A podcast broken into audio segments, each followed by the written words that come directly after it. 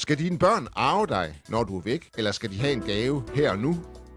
Fordelene ved at give gaven er, at du selv er der til at opleve modtagerens glade ansigt, og så slipper dit barn for at dele gaven med staten. Når dine børn arver dig, skal de nemlig betale 15% i boafgift til staten.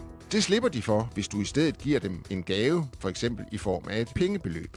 For at undgå afgiften, så må gaven ikke koste over et vist beløb. I 2024 er grænsen 74.100 kroner. Til gengæld, så må du give sådan en gave hvert år til hvert af dine børn, og også til børnebørn, oldebørn og stedbørn. Svigerbørn må få 25.900 kroner om året. Når du giver en skattefri gave, så har du mulighed for at stille betingelser.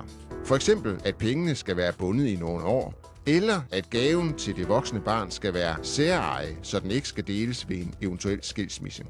Har du voksne børn, kan du også vælge at sætte gaven ind på dit barns pensionsopsparing. Det giver et større skattefradrag, en sikkerhed for, at eventuelle kreditorer ikke får fingre i gaven, og så selvfølgelig en større pensionsopsparing for barnet.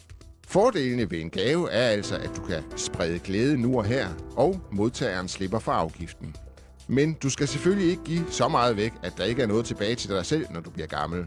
Og så kan det også være en god idé at begave børnene lige meget for familiefredens skyld.